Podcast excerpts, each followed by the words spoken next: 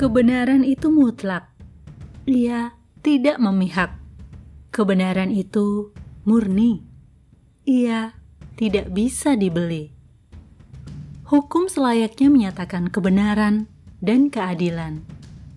Aturan yang sudah dibuat bertujuan untuk menjaga dan melindungi semua pihak. Ketika penegak hukum akhirnya bisa dibeli atau disuap, sesungguhnya ia sudah menodai dan melecehkan hukum itu sendiri.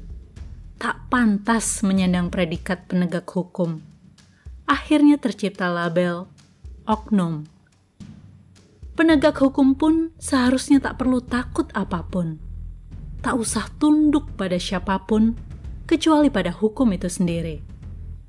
Sebab pengabdiannya bukan kepada manusia, namun pada Tuhan yang maha benar dan adil.